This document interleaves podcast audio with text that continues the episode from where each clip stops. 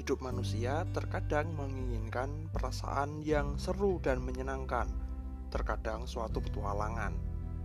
Perasaan ini begitu membangkitkan semangat untuk berjuang dan terus bergerak. Namun, di sisi lain, manusia sebetulnya juga merindukan suasana dan perasaan yang tenang dan tentram.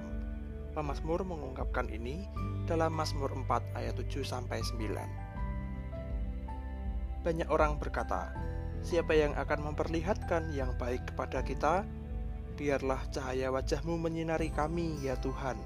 Engkau telah memberikan sukacita kepadaku lebih banyak daripada mereka ketika mereka kelimpahan gandum dan anggur. Dengan tentram aku mau membaringkan diri, lalu segera tidur, sebab hanya Engkaulah, ya Tuhan, yang membiarkan aku diam dengan aman." Berawal dari pertanyaan tentang siapa yang akan memperlihatkan yang baik, pemazmur berseru kepada Tuhan. Ia mengharapkan wajah Tuhan menyinari umatnya, yang berarti Tuhan melihat dan memberi terangnya senantiasa. Tuhanlah yang memberi sukacita. Digambarkan bahkan melebihi orang-orang ketika sedang kelimpahan gandum dan anggur. Pada masa Israel kuno di Timur Tengah, gandum dan anggur adalah hasil pokok yang paling dibutuhkan masyarakat kala itu. Berlimpah gandum dan anggur adalah suatu sukacita besar. Namun sukacita dari Tuhan masih jauh lebih besar lagi. Dengan cahaya wajah Tuhan dan sukacita besar darinya, pemazmur mengatakan bahwa dirinya tentram, bahkan begitu tenangnya, hingga ingin berbaring dan segera tidur.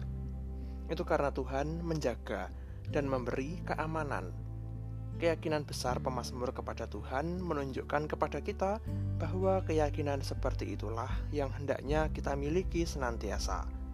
Tuhan senantiasa melihat keadaan kita, kehidupan kita, karena Ia Maha Mengetahui. Hidup kita senantiasa ada di dalam kuat kuasa Tuhan. Tuhan memberi sukacita melebihi kelimpahan materi. Tuhan memberi rasa aman karena kekuatannya menjauhkan kita dari ancaman dan bahaya, sehingga kita pun bersama pemazmur ikut dapat menyatakan bahwa kita dapat berbaring dan tidur dengan tentram.